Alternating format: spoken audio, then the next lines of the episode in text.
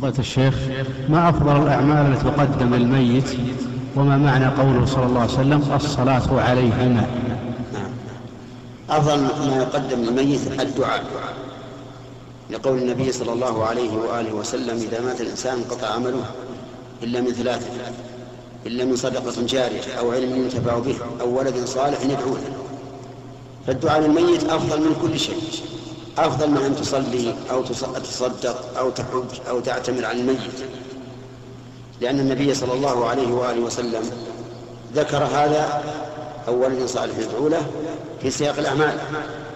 ولو كانت الأعمال مشروعة للميت لقال أو ولد صالح يتصدق له أو يصوم عنه أو ما أشبه هذا.